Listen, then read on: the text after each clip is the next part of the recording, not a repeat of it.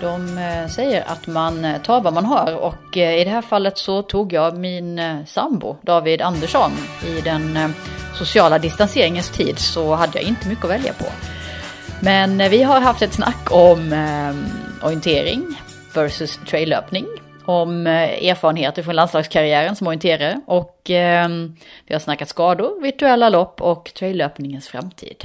Ja, så här i tider av eh, corona, covid-19 och eh, därmed social distansering så eh, var det ett tag sedan det blev en podd för att det har inte känts rätt att sitta nära människor och prata. Men eh, man får ta det man har i sin närhet. och man har ju sin sambo, David. Hej! Tjena! Hallå! Välkommen! Tack så mycket! Till Trailrunning-podden. Mm, tack så mycket! Äntligen! Ja, precis. Det krävdes en pandemi. Mm. mm. Det gjorde det. För att du skulle få tala ut i podden. Ja, ja men du är här. ja. ja, du ähm, är en del av Trade Running Sweden. Men mm. äh, ska vi såklart prata om. Men jag tänkte att vi kunde börja i änden äh, Vem är du? Som helhet. Mm. Eh, David Andersson. Jag eh, har väl egentligen hela ja, nästan hela mitt liv sprungit orientering. Mm. Det har varit en väldigt stor del av mitt liv. Um, växte upp i en familj där man inte hade så mycket val. Båda föräldrarna sprang orientering. Och uh, självklart jag höll på med många andra idrotter under mina ungdomsår. Men uh, det var framförallt orientering och längdskidor som jag kände passade mig. De individuella idrotterna. Så att uh, när jag, jag blev framåt lite senare ungdomsår, juniorår så, så valde jag att satsa mer och mer på, på det liksom och, och tävlat på elit och landslagsnivå under 10-15 år. Var det givet att det skulle vara orientering? Eller var längdskidor ett alternativ också, eller hur? Ja, men... Alltså, jag gick på skidgymnasium i Mora under fyra år. Men när jag slutade på gymnasiet så jag kände ändå att det alltid varit orienteringen som har legat mig närmast hjärtat. Så att eh, det var men det var det jag ville fortsätta och satsa som allra mest på. Och ja. det var kanske det jag hade också störst framgångar. Plus att materialet inom längdsporten det, med allt valla och skidor och strukturer och slipar och det, ja, det passade inte mig. Jag hade inte riktigt det med mig hemifrån med full stöttning kring det. Så att därför var det enklast att hålla på med orientering. Det, ja. mm. Kompassen och dojorna är mm. inte så... Nej. Det finns inte så mycket att välja på. Det finns inte så mycket pengar att plöja ner i material i orientering. Nej, lite så. ja. Plus att jag kanske också hade större framgångar där också. Sen har jag utbildat mig till lärare. Jag är lärare i idrott och hälsa och matematik gymnasie och mm. högstadienivå. Mm. Okej. Okay. Och eh, har du jobbat som det någon gång då? Nej. Jag började jag, jag tog studenten och blev färdig med min utbildning 2009 tror jag. Men eh, ja, jag, jag var med och startade upp ett orienteringsgymnasium i Falun under ett år. Men sen valde skolan att lägga ner det. Så sen har det inte blivit något mer. Mm. kom jag in på traillöpning istället. Och så har det blivit jobb kring det. Mm. Um, om vi återvänder till orienteringskarriären som du lite snabbt avfärdade med mm. många år i landslaget. Um, vad innebär det? Vad innebär det livet? Nej, men det var ju, ja, det var ju fantastiskt. Det var ju eh, drömmen, alltså att... När man var ungdom, junior så hade jag en dröm att någon gång liksom få springa i ett svenskt landslag. Man hade affischer på rummet hemma på Jörgen Mårtensson och Marita Skogum och Gunilla Svärd tror jag. Som kom med Orienteringsförbundets tidning Skogssport och de satt ju där under alla åren liksom och hade såklart en förhoppning att någon gång kanske man själv skulle få vara med och springa eh, ett VM. Och eh, om jag det har ju varit många fantastiska år med mycket resor runt om i Europa och även andra delar av världen på tävlingar. Man har ägnat livet åt att träna, äta och vila. och resa runt och orientera. Och det kanske var... Ja, men det kanske nu när man, när man har trappat ner och man, man lägger mer tid på jobb och de bitarna som man verkligen förstår hur fantastiskt bra det var att vara elitidrottare. Mm. På... Eh, hur, hur då bra? Ja, men alltså, umgås med likasinnade som har samma liksom, intressen och drivkrafter och mål. Och ja, bara, ja, som nu med, vi vet, känner till med traillöpningen också, att det är samma monitering. Du får vara ute, du får upptäcka nya naturer. Och träna, hålla dig frisk och stark. Och ha någonting, ett mål som kittlar och som verkligen eh, driver dig till att utvecklas och bli bättre. Mm. Vad eh, är dina styrkor som orienterare? Ja. Mm. Men jag har alltid haft ganska lätt för kartan. Och sen om vad det beror på. Om, om det beror på en naturlig fallenhet. Eller faktiskt väldigt, väldigt mycket träning. Det, det är jag inte riktigt säker på. Jag, redan när jag växte upp och var bara kanske i tioårsåldern så eh, tittade jag. Hade alltid ett jättestort intresse för kartor. Jag, jag kunde sitta på kvällarna och bläddra i mina föräldrars kartpärmar med kartor från deras tävlingar på 70 80-talet. Och tittade på deras vägval och hur de sprang. Så fort det fanns en karta att komma över någonstans så, så tog jag den och eh, jag la banor själv på kartor. Jag funderade kring, mycket kring det. Och så att alltid haft ganska lätt just för, för den biten har varit naturligt för mig. Men så tror jag också att eh, även det mentala att eh, tro på, ha en stark tro på mig själv och ett starkt eh, självförtroende. Em, ja, är ihop med en stark vilja. Mm. Och träna mycket. Mm. Ibland för mycket. När jag ser på det i efterhand. Ja, det är så. Ja, det tror jag. Mm. Det har alltid varit väldigt, väldigt viktigt för mig att bli riktigt bra och, eller ja, helst bli bäst liksom och verkligen strävat efter att vinna ett VM-guld och um, ja, känna att ja, jag verkligen når min topp liksom och ibland så tror jag så här i efterhand att jag pressade mig för mycket. Jag kunde ha varit, lyckats ännu bättre och nått längre om jag hade vågat hålla igen lite mer. Mm. I den fysiska träningen? Mm, Eller den... Ja. Nej, men jag vill oftast, Mm. jag tittar på vad de bästa gjorde. Och så vill jag försöka göra lika mycket, lika bra. Och tittar man då på de som tränar mest teknik och de som tränar mest intervaller de som ska springa, springa, springa träna mest timmar.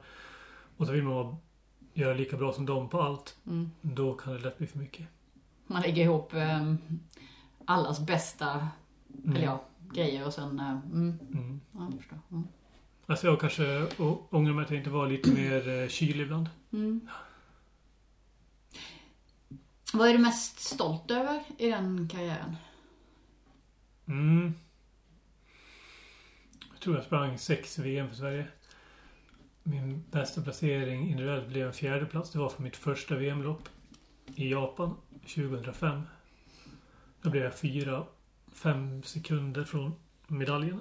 Och den gången så tänkte jag att det var bra att jag inte tog någon medalj för det skulle jag göra vid framtida mästerskap. Mm. Så att jag behövde ha det kvar. Men det blev aldrig någon individuell medalj. Utan jag blev som bäst fyra. Men sen har jag tagit ett eh, EM-guld i stafett. Där jag sprang sista sträckan för Sverige. Och avgjorde mot Tiri Chouchou som under mer än ett decenniums tid har varit världens bästa orienterare. Mm. I en spurtstrid. Så det är ett, ett minne som ja, jag är väldigt glad och stolt över när jag tänker tillbaka på. Det var 2006 tror jag. Mm. Vad tar du med dig för lärdomar och erfarenheter ifrån eh, den aktiva idrottskarriären? Ja. Ja men att... Eh,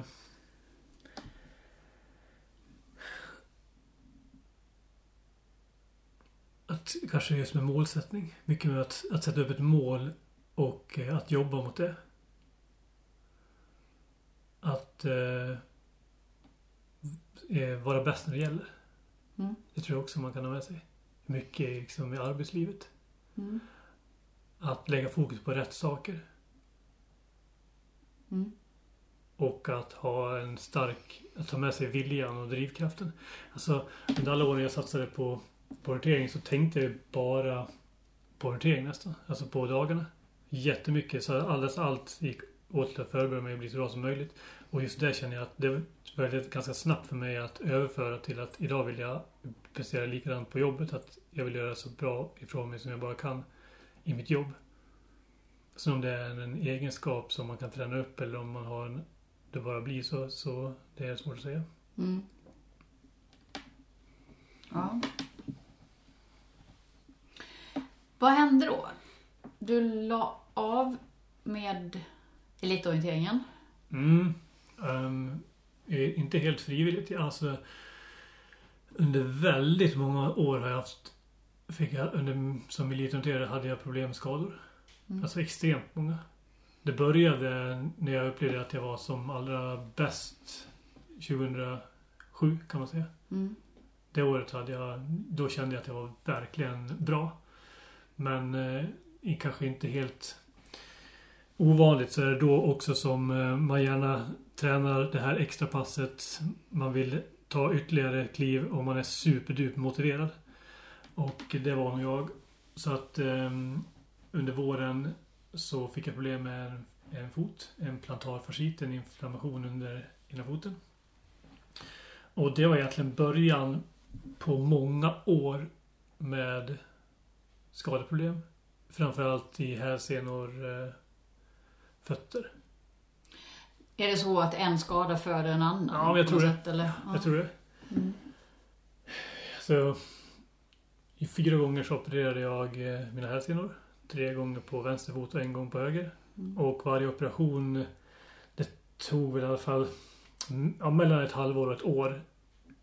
Efter ett halvår kunde man väl vara igång och börja träna igen. Kanske efter ett år efter operationen så då upplevde jag att jag var kanske tillbaka i rätt bra slag där jag ville vara. Mm. Och då fyra sådana operationer, då är det fyra år. Och däremellan så är det mycket tid. Man opererar sig inte direkt man får problem utan man går ju under kanske minst ett halvår, ett års tid också. Innan man tar det beslutet. Mm. Så att eh, ja, i praktiken från 2007 fram till kanske 6-7 år framöver så brottades jag egentligen hela tiden med skadeproblem. Mm. Ja, man hör att det finns mycket vilja Mm. i eh, Alltså- att fortsätta Ja, jag hade. Mm. jag hade väldigt sällan problem med motivationen un- under de här. Utan jag, alltså, min motivation var låg när jag hade långdragna skador som inte det hände någonting med. Mm. Alltså att jag hade inflammationer eller ont nere i hälsenorna och det, jag kunde liksom kanske avstå från löpning i tre veckor, en månad för att hoppas att det skulle bli bättre och så börjar man och så känner man att det inte blir någon skillnad. Då, då blir man less liksom. Men så fort jag hade kände att det fanns någonting lite positivt så var jag alltid supermotiverad. Så jag tränade väldigt, väldigt mycket under de här åren alternativt med skidåkning, vattenlöpning, cykel, styrketräning. Så att oftast så när jag väl kom igång igen så var jag ofta väldigt stark och i bra form. Mm. Men det var ju också en nackdel för att då hade jag ofta Ja, ibland är det smart tror jag att att eh, bli i dålig form eh, under en skada. För när man väl ska starta upp och komma igång igen så kan det vara bra att det inte går för snabbt. Mm. Man hade liksom en en eh, jättestark motor i ett klent skal liksom. Ja, precis. Alla ligament och senor är inte riktigt vana vid löpning och då är det lätt att få en överansträngning någonstans. Ja, Mm. så Mm. tror jag. Ja. Nej men jag tror, jag tror för min del det är jättesvårt men jag tror eh, att jag hade Jag gjorde fel eh, från början med eh, skor och inläggssulor. Mm. Det var liksom min första åtgärd när jag när jag fick den första plantarfasciten var att jag gick till eh, ortopeden och la in en gjuten inläggssula. Och jag tror antingen så var den sulan passade den inte mig. Den blev felaktigt gjord eller någonting. Eller så eh, skulle vara passade överhuvudtaget inte mig att ha de inläggssulorna. Mm. Men för mig var det var det liksom ett... Jag måste ha dem för att utan dem klarade jag mig inte. Så jag gick i dem och tränade i dem jämt. Liksom jag hade väl ett par, tre par som man hade träningsskor och vardagsskor och allting. Mm. Jag vet inte, det är jättesvårt att säga men jag tror idag, eh, om jag fick göra om någonting så äh, ångrar jag mig att jag överhuvudtaget la i sådana sulor i mina skor. Vad hade du gjort eh, istället om du hade åkt på det liksom, nu? Nej, men jag tror att eh, Alltså om man får en akut skada i plantarfascia eller sådana saker då måste man till att börja med avlasta. Men sen är det jätteviktigt att man jobbar upp styrka och eh, ja, alltså man får igång funktionen i foten. Mm. Så det tror jag inte hade. Jag tror mina fötter liksom mer ja, man skyddar dem så mycket så de behövde inte arbeta så att eh, när det väl de fick hårda slag och stötar i orienteringen när man hoppar och tar sig, i, liksom i skogen och tar sig fram och man får mycket då tror jag inte de var redo för. Mm. Idag så jobbar jag väldigt mycket med liksom fötterna och eh, i min träning och upplever att jag har mycket bättre styrka och Mm. koll på det. Hur eh, tränar du idag då? Ja. Så jag försöker att träna kanske 5-6 dagar i veckan. Och springer ju gärna eh, så mycket som jag känner att jag klarar av liksom. Mm. Men sen så har jag inte Jag har liksom inga Jag har inte haft så mycket ambitioner de sista åren att springa lopp. Jag har ju gjort eh, mycket tävlingar under väldigt många års tid. Och sen har jag också ganska lätt att jag lägger på mig krav att om jag börjar tävla då vill jag prestera. Så jag har lite svårt att bara ställa upp för eh, att ta mig i mål. Och eh, alltså att jag mest tränar jag för min bara för välmåendets skull. Att jag ska orka med och jobba och orka med att mm, ja, eller må så bra som möjligt. Mm. Har du ett mål nu? Annat utöver det? Eller är det det som är fokus? Nej, alltså jag har inget, faktiskt inget särskilt tydligt mål. Nej. Jag skulle vilja kunna vara med i orienteringen och springa lite stafetter med mina lagkompisar i IFK Lidingö. Mm. Det skulle jag vilja vara. Nu har ju allting blivit inställt i år så. Mm. Men så nu är väl bara mitt mål att eh, hålla igång och så bra som möjligt. Har du något favoritställe att springa på? Mm, det, ah, det är kul att upptäcka mycket nytt tycker jag. Alltså nya ställen. Det finns ju... Jag tycker det är en viktig grej att det finns så otroligt många olika ställen i Sverige att springa på. Alltså visst, det är häftigt att komma utomlands och, och se nya miljöer. Men man ska verkligen inte underskatta Sverige från Skåne i söder upp till Lapplandsfjällen. Mm. Höga kusten. Alltså längs med kusterna generellt. Både ostkusten och västkusten i Sverige erbjuder ju väldigt mycket häftiga miljöer liksom. Mm. Och så olika. Mm. Mm. Verkligen. Mm. Det är ju egentligen svårt att tro att man är i samma land när man är i, i fjällen eller när man eh, står nere i södra Sverige någonstans. Precis. Mm. Så jag är ju uppväxt och bott i Dalarna den största delen av mitt liv och nu bor jag i södra Halland. Så att eh, det södra Halland och nordvästra Skåne är ju ett område som har varit helt främmande för mig till för tre år sedan jag flyttade ner. Så att jag har ju väldigt mycket nytt att upptäcka hemma fortfarande nu. Mm. Ja. Där fick vi lite hjälp nästan när vi gjorde det här projektet med trails på Ja, på Hallandsåsen som är liksom det närmaste man kan tänka sig nästan. Mm. Ja, det är vårt Till och med jag naturområde. upptäckte nya ställen. Ja. Mm. Och eh, bra för oss att ha Hallandsåsen där med lite backar. Mm. Som bryter av landskapet. Både visuellt och träningsmässigt. ja, faktiskt. det är helt sant. Ja.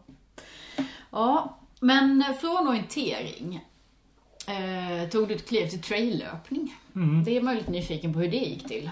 Ändå. Även om en orienterare alltid har sprungit på stigar i skogen såklart. Men, Ja, det ligger, traillöpningen ligger väldigt nära till hands. mm. Och eh, när jag hade, som jag sa, slutade min lärarutbildning så började jag jobba i orienteringsklubben som jag tävlar för då, Malungs orienteringsklubb.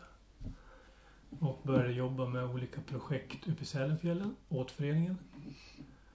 Och eh, efter något år så bestämde vi oss för att starta upp eh, fjällmaratonlopp. Mm. Fjällmaraton Sälen. Och jag tyckte det, det var precis 20, jag tror det var 2013 som vi skulle ha första loppet. Vi kom väl på idén här 2012 kanske. Och jag tyckte det var superkul. Mm. Alltså för att det, det dök upp, eh, vi som alltid har sprungit orientering, alltid varit i skogen och det var en speciell lite speciellt eh, folk. Men sen så helt plötsligt dök det upp en ny kategori Mm. med människor som plötsligt ville ut i den arena där vi alltid har varit. Mm. Och som kanske inte hade varit så mycket där tidigare. Och det tyckte jag var jäkligt häftigt. För jag kanske har lite med, med liksom lärarutbildningen och de åren också. Det här att vara idrottslärare. Att, att liksom kunna vara med och bidra till att lära ut någonting nytt. Och alltså jag tycker alltid det ska vara jättekul att, när man, att få fler att upptäcka det vi alltid har varit. Mm. Mm, så att, och, dessutom tyckte jag det var väldigt kul att, att jobba med loppet. Med Mm. fjällmaratonloppet. Mm.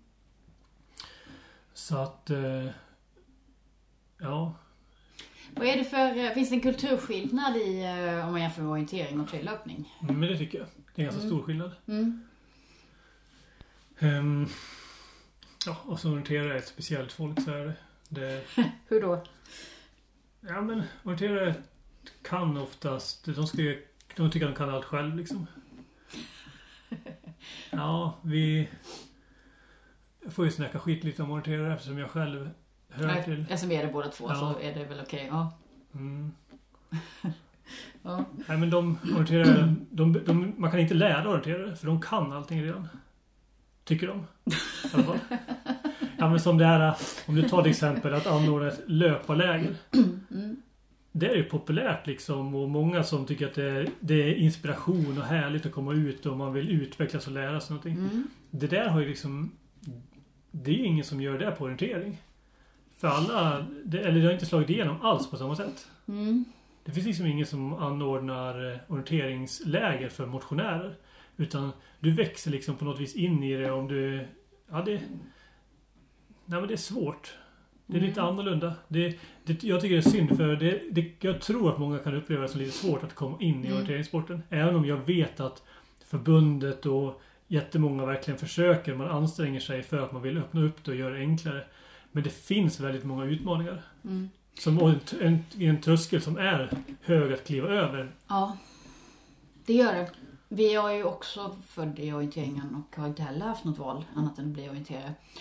Ehm, vilket ju bara är positivt, vilket jag är väldigt tacksam för. Men ehm, jag har haft med kompisar som har varit icke-orienterare som inte har haft alls, utan bara ville hänga på. Och när man tar med dem ut på en tävling, så just det du säger, man förstår hur hög tröskeln är. För det finns så mycket uttryck, sätt att göra saker som eh, är så självklara för oss som har vuxit upp med det. Mm. Ja. Men som är helt egentligen, jag ska inte säga obegripliga, men lite åt det hållet. Mm. Och då pratar jag inte om själva utförandet av eh, orienteringen i sig, utan det här runt omkring en tävling. ja. Eh, när man kommer till samlingsplatsen och, och allt det här. Och sen är det ju... Alltså, det är ju en väldigt så här, peppande och tillåtande attityd inom eh, traillöpningen. Mm. Och medan orienteringen är mer en tävlingsidrott. Som det, det blir ofta mer fokus på resultat, Mm. bommar och tider. Mm. Upp, upplever jag. Mm. I, inom orienteringen än vad det blir i traillöpningen. Mm. Och det tror jag det passar många idag att, att man avdramatiserar resultatet och man har den peppiga stämningen. Och det, och även om man bara tittar i sociala medier så tycker jag att beteendet mellan traillöpare och orienterare skiljer sig åt ganska mycket. Mm. Det, det traillöparna är mycket mer Det är mycket mer kommentarer i, i en traillöpares flöde som är aktiv i, i sina sociala medier än vad det är bland orienterare. Mm. Mm. Ja. Det är intressant den där... ehm, Ehm, men det är nog som du säger att man kanske inte i första hand är tävlingsinriktad. eh, Nej. Ehm, för det är ju också en grej inom orienteringen att um, från man är ungdom och ganska liten tills man är 85-90. Alla tävlar ju, vilket är jättefint. Mm. På banor anpassade efter deras svårighetsgrad och längd och allting. Men det innebär också att man är... eh, Det här mm, tävlingsmomentet finns alltid. Mm. Alltså jag undrar om ens en eh, H80-gubbe som sticker ut i skogen tycker att han sticker ut för njuta när han sticker ut på en tävling. Nej. Jag misstänker att eh, det är samma Ja. som när man själv sticker ut och tävlar. Att det är, det är genomföra det här och typ liksom från start till mål så fort som möjligt. Mm. Mm. Jag tror det. Ja, det är en skillnad. Mm. Det skulle vara kul. Jag såklart en önskan att eh, många traillöpare på sikt att alltså dels att orienteringssporten ska anpassa sig Mm. och kunna hitta någonting som verkligen lockar de som har hittat till traillöpningen Mm. att eh, hitta över till orientering. Mm. Och det finns ju mm, en del exempel på lopp som som är väldigt mycket orientering idag som lockar traillöparna. Mm. Och där du kanske inte hittar så mycket orienterare som BAM uppe i Björkliden till Mm. exempel. Ja, för det är ju en fantastiskt kul form av motion, träning Ja. och tävling. Ja, ja. Mm. Det, det, det finns en till dimension att Mm. just som bör passa traillöparen också. Det här med att man ska klara av sin uppgift och klara av banan. Mm. Och den finns ju verkligen inom orienteringen. Mm. Ja, och, och det, det här med att upptäcka nya platser är ju, dras ju till sin spets inom orienteringen också. Mm. Du vet ju aldrig vad som väntar dig när du får en karta. Nej. Så, mm. Nej, det tycker jag är häftigt. Det är verkligen tjusningen med orienteringen. När man står där vid starten och sen får man upp i sin bana och, och ska verkligen lösa den på snabbast möjliga sätt. Liksom. Man vet inte vad som väntar riktigt. Mm. Häftigt. Eh, som arrangör, finns det skillnader liksom i, i arrangemangen mellan ett traillopp och en orienteringstävling? Ja, verkligen. Alltså, ja, om man bara... Nummer ett är så här att inom orienteringen, jag, jag tror orienteringsförbundet och de är säkert det mest, ett av de mest utvecklade och, eh, idrottsförbunden i Sverige. Där Jag tycker att de har... Det finns så otroligt stort engagemang bland många orienterare och eh, det finns regler för allt. Det finns regler för vad det ska vara för färg på snitsel på väg till start. Det finns regler för vad det ska vara för färg på snitsel och hur... Eh, ja men det finns 17 regler för allting. I trailern är det nästan tvärtom. Det finns inte regler för någonting. Alla lopp sätter sin egen prägel. Mm. Är det här på gott och ont eller? Ja, verkligen. Ja. Ibland kanske traillöpningen tycker jag skulle må, kanske må bra av att eh, saker kunde standardiseras lite Mm. mer. Mm. Exempelvis, eh, vi höll på mycket och funderat på, ja men skulle, skulle man till exempel kunna ha ett gemensamt anmälningssystem för alla svenska lopp? För man, och traillöpningen saknar mycket statistik. Det är svårt att mäta. Är det fler som springer eller är det färre? Eller vad- hur ser utvecklingen ut? För alla arrangörer hi- hittar sitt eget system. Inom orienteringen är det precis tvärtom. Orienteringsförbundet tillhandahåller ett system som alla använder. Du kan få ut rankinglistor. Du kan få ut massor med statistik. Som inte alls finns i traillöpningen. Mm. Det tycker jag är, det är en svaghet. Mm. Mm. Mm, sen är det såklart olika Om man tittar på själva arrangemanget så vi är även arrangörer och då är det ju av lopp och eh, när man ska arrangera en orientering så är det du behöver en karta, du ska ha eh, kontroller som ska sättas ut på rätt ställen, det ska vara stämplingssystem och sådana saker. Och det är sånt, framförallt kartan är ju sånt som är väldigt, det kräver väldigt mycket Mm. tid, det kostar väldigt mycket pengar. Medan trailöpningen, där är ju utmaningen ligger på marknadsföringsbiten ofta. Och såklart genomförande och vara kreativ men inom orienteringen så det handlar det mest lägga upp din tävling i orienteringsförbundets kalender. Och sen är det kanske, sen kanske du köper en annons och så håller du tummarna för att du gör bra arrangemang och folk gillar det och du har en fin terrängtyp som lockar. Medan traillöpningen, där handlar det verkligen om att, att kunna marknadsföra och visa på och vara aktiv hela tiden för att locka dit traillöparen. Mm. Så det är en stor skillnad. Mm. Sen tycker jag att själva loppet, arrangemanget i sig, är oftast enklare att genomföra. Samtidigt så är det mer företag och sponsorer som är kopplade inom traillöpningen. Det är inte alltid så ofta du ser det på orienteringstävlingar. De större eh, har det, men eh, långt ifrån alla. Mm. Det är oftast mer varumärken och partners kopplade till traillopp. Mm. Mm. Ehm, ja, vi arrangerar Idre fjällmaraton bland annat. Yes. Varför fjällmaraton? Mm. Nej men det, jag, det började med att, att, som jag nämnde där, att jag startade upp på eh, loppet i Sälen. Genom mitt arbete i Malungs orienteringsklubb. Och efter fyra, fem år så det var, det blev ett, var ett jättestort intresse. Växte snabbt. Hade, efter femte året tror jag det var 2000 deltagare som sprang. Och jag tyckte det här var så jäkla kul alltså och eh, utveckla och det blev större och större större intresse. Medans föreningen kanske inte brann för exakt och hade exakt samma... De ville inte riktigt på samma, samma håll som jag. Så att då valde vi att, eh, eller jag att, att hoppa av och driva det vidare Trailrunning Sweden då. Då Mm. hade Trailrunning Sweden Ja, Swedens... på vägen. Ja, det Mm. föddes 2015. Jag tror att jag tror det var första juni 2015 som vi öppnade upp sajten. Det var Malings orienteringsklubb som startade upp den. Snart femårsjubileum. Mm, till sommaren. Mm. Så att eh, då valde jag att köpa ut den och driva det vidare själv istället. Och eh, fick ett tips om att Idre Fjäll em, var intresserad av den här typen av evenemang. Så att från början, han som var VD på den tiden, han var inte så himla lätt att få tag i. Så att jag ringde upp för ett möte med dem X antal gånger. Fick aldrig något svar. Men jag tänkte en dag så tröttnade jag. Så jag tänkte, äh, nu ringer jag tills han svarar. Så, så jag tror jag ringde tio samtal den dagen. Till slut på kvällen, då svarade han. Och eh, sen fick jag komma upp och träffa dem. Ja, sen Mm. vi kört på. Ja. Eh, succé. Mm. Två genomförda lopp. Mm. Jag hoppas att det blir tredje år. Ja, precis. Mm. Vad är mest spännande i ditt jobb? Mm, variationen. Mm. Alltså att vara ute och träffa, alltså jag gillar ju att träffa, skapa relationer. Företag. Skapa material. Filma, fota, skriva. Vara ute i naturen. Men även att sitta och utveckla sajten.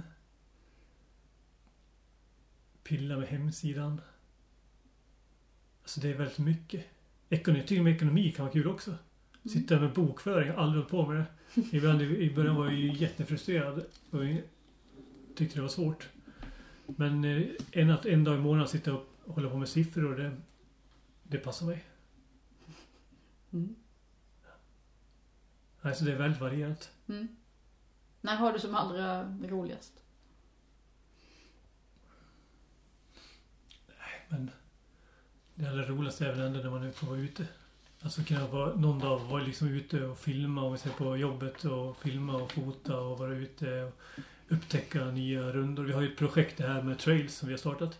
Att eh, visa på eh, ställen för att springa trail i Sverige. Mm. Och Det är ju, alltså det kanske är det jobbet jag kan tycka är det allra bästa jobb man kan ha liksom. Ja, lite av Mm. ett lyxjobb faktiskt. Ja, hitta på fina ställen att springa på i Sverige och eh, visa upp det för lokalbefolkning och turister. Mm.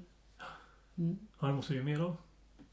Du trivs på löparresan också? Ja, det tycker jag är kul. Mm. Mm.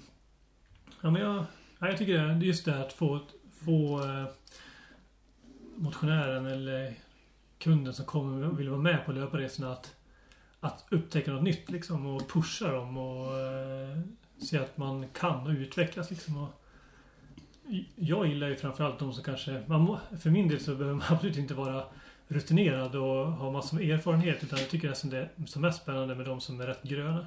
Mm. Och som vågar ta sig iväg på de resorna. Oftast är det... Vi är ofta, jag är aldrig själv på en sån resa utan man har ofta ett, eh, en eller två par ledare till med. Mm. Och det brukar ofta vara jag som hamnar i den gruppen som vi tar det allra lugnast. Och det passar mig. Mm. Båda får ta det lugnt kanske. Nej men att Nej men att få, få pusha Mm. dem liksom. Mm. Som kanske behöver eh, en extra eh, klapp. Mm. Eller knuff. Pepp. Ja. Mm. Mm. Också dragit igång en trail tour. Mm.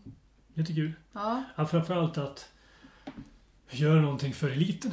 För det är någonting som jag tycker, om man tittar så är, det finns inte så mycket annat som händer för eh, traillöpare som vill satsa på sporten och utvecklas och träna hårt och ja, men som, som du och jag har gjort inom orienteringen. Mm. Och, vill, det, och de som är duktiga Det finns en del namn som är duktiga och internationellt.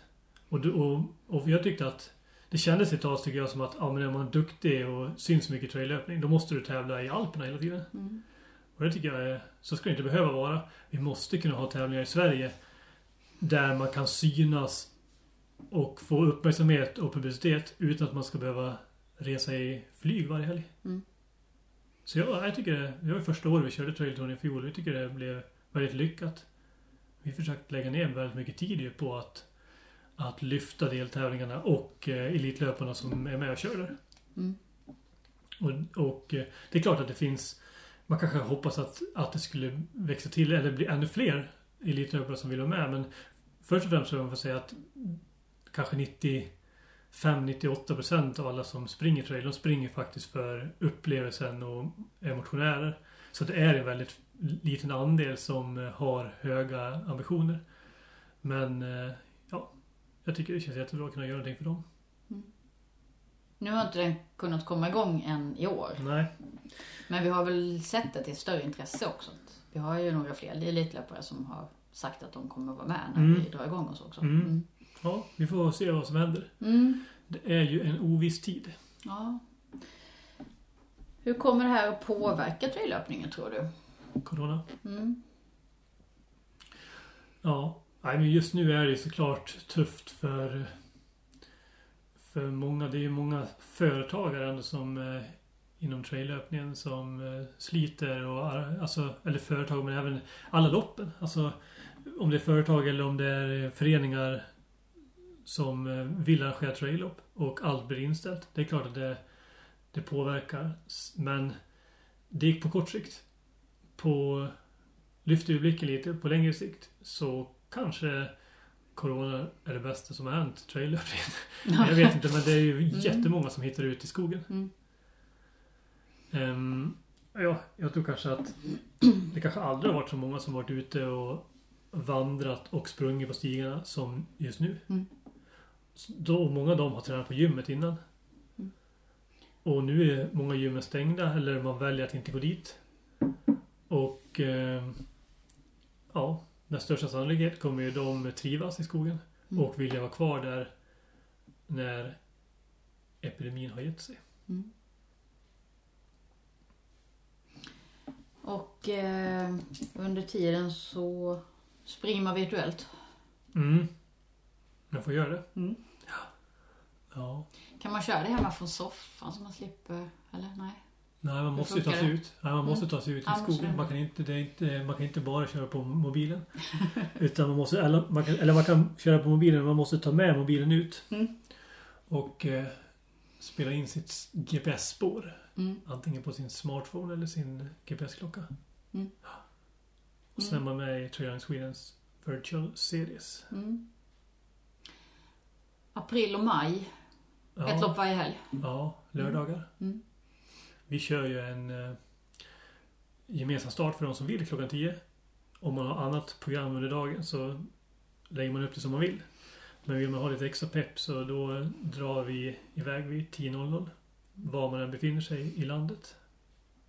Ja, för visst kan det hjälpa lite att man bara vet att någon annan också kämpar, även om Ja. det är någon annanstans. Så jag har ju sprungit de, ja men två, det har jag gjort tre helger. Två Mm. helger på 28 kilometer och på 12 kilometer i helgen. Då, då, kör, då körde jag på ganska ordentligt. I alla fall på 12 nu vad jag kunde. Mm. Och eh, jag kände ju att jag har ju tagit i mycket hårdare på de här passen än vad jag hade gjort om det inte hade varit det här loppet. Mm.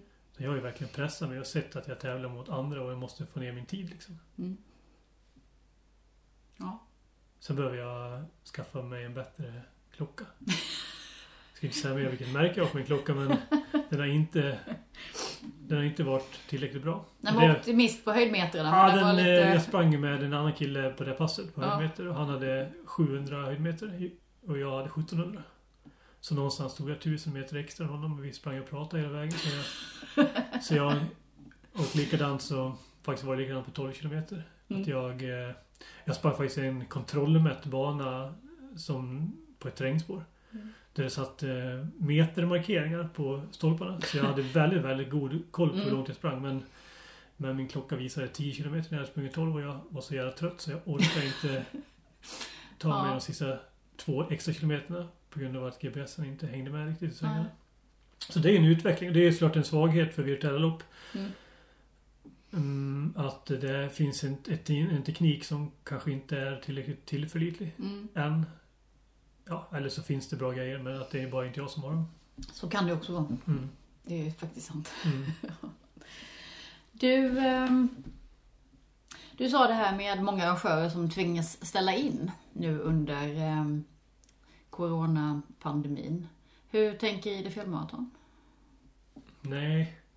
Ja, det är ju ja, det är en bra, bra Mm. fråga alltså. Mm. Alltså typ sen den 11 mars. För det var väl då, då tror jag det kom det här beslutet då att eh, då var det nog till att börja med 500, max Mm. 500 deltagare. Och sen så blev det 50. Och varje dag sen dess har vi väl funderat på vad händer för oss. I början kändes det som att, ja, men herregud, det är fem månader bort eller om det var, ja fem månader. Mm. Så det där kommer aldrig, det finns inte en chans att eh, det kommer drabba oss Mm. i 22 augusti. Men eh, ju längre tiden går desto desto mer osäker blir man ju faktiskt. Så, här, det. så det känns ju, det finns ju ingenting um, helt och hållet spikat. Men uh, vi utgår för att vi kommer köra.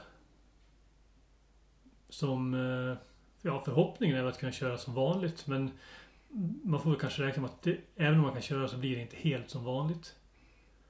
Sen så det, vi har ju pratat mycket om vad händer om man inte kör. En del, många lopparrangörer pratar om virtuella lopp. För oss är väl inte virtuella lopp ett alternativ tycker jag. Alltså man anmäler sig till Idre fjällmaraton för att det är en speciell natur och det är en naturupplevelse. Och den kan vi liksom inte, vi kan inte ersätta den med att man springer virtuellt på sin hemmaplan. Det skulle vara, inte kännas schysst mot deltagaren. Um, ja, jag vet inte. Vi har väl egentligen bestämt att eh, att eh, man får skjuta upp sin startplats till, eller vi skjuter upp alla startplatser till 2021. Om det visar sig att vi inte kan köra i år. Men vi kommer jobba allt vad vi kan för att loppet ska genomföras. Om det är möjligt. Men såklart måste man hålla sig till de riktlinjer som gäller liksom. Och man vill inte sticka ut och hitta på någon alltför kreativ lösning heller just nu. Utan det gäller ju att att eh, ja, tänka större. Och tänka långsiktigt tror jag. Och det kanske vi pratade om från tidigare. Vad som är viktigt som elitidrottare. Vad man kan ta med sig från idrotten in i företagandet. Och det tycker jag är i det här läget att, att lyfta blicken. Och inte bara se till 2020. Utan att man eh, lägger grunden för vad som ska ske 2021, 2022, 2023. Och då tänker jag att vi ska vara lojala mot våra deltagare och eh, har man anmält sig och vill komma till Idre, då ska man springa i Idre och man ska springa den banan som man har anmält sig till. Mm. Ja, fjällöppningen kommer finnas kvar liksom vår vackra natur lång tid framöver. Och Mm. det gäller att agera ansvarsfullt nu och komma igång så fort som möjligt sen. Mm. Ja. Mm. Men det är såklart en svår tid och jag förstår Mm. att det är alltså alla arrangörer har olika dilemman att brottas med. Mm. Och, ehm, det är många Det är många lopp som pratar om Ja, alltså att man går omkull och hit och dit och man har inte råd och man tvingas gå i konkurs och och, och eh, det är ideell eh, verksamhet som blir väldigt hårt drabbad. Ungdom, barn och ungdomsverksamhet blir väldigt hårt drabbad. Och det såklart att det är men i det här fallet tror jag faktiskt att det är faktiskt de största, de större, ju större arrangemang du har och de stora som faktiskt ändå är kommersiella arrangemangen. Det är de som drabbar allra hårdast. För de har mycket personal, det är mycket anställningar och de har eh, satsat, de har stora marknadsbudgetar eh, som kanske till stor del är förbrukade. Man eh, gör stora investeringar, man har stora sponsoravtal. Så ju större du är desto hårdare drabbas du. Har du ett litet lopp som du gö- gör med kompisarna och du tar in 100-150 personer.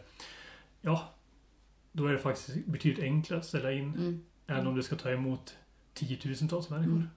Ja, såklart. Och det blir längre ledtider på allting när du Ja. är, har stort arrangemang. Ja. Mm, ja absolut. Var eh, springer du på lördag? Då är det dags för Icebug Trail. Mm. 50 km eller 16 km. Ja. Vad tänker du välja då till att börja med? Nej, det finns bara ett alternativ för mig. Och det är 16 kilometer. Mm. Alltså... Jag har ju, jag är ju inte... Det här med att springa riktigt, riktigt långt är inte min grej. Nej? Alltså det är som jag sa tidigare. Det, att jag vill oftast göra mitt allra bästa. Och... Eh, jag, jag pallar helt enkelt inte mer. Så jag är rädd att... Jag är för rädd eh, om att jag, min kropp ska gå sönder. Jag har haft min skadebakgrund som jag berättade om i början. Och jag är för rädd för att springa 50 kilometer och ta i liksom. Det, Mm. Jag har inte alls den träningsbakgrunden. 16 Så- km, vad blir det då? Nej men vi tänkte åka till... Eh, mm, ja, men vi är ju nu i, i din sommarstuga Elisabeth, i norr om Grebbestad.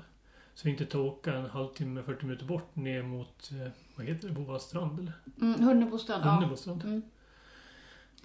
Och springa lite på banorna där som eh, genom, eller används vid Icebike Experience. Mm, West Coast Trail. West Coast Trail heter det. Ja, ute på eh, Ramsvikslandet. Just det, Mm. så är det. Ja, vi får hoppas att det inte blir allt för regnigt och blåsigt i alla fall. Då blir det halt där ute på klipporna. Men, Ja, precis. Mm. Det blir fint. Mm. Bra.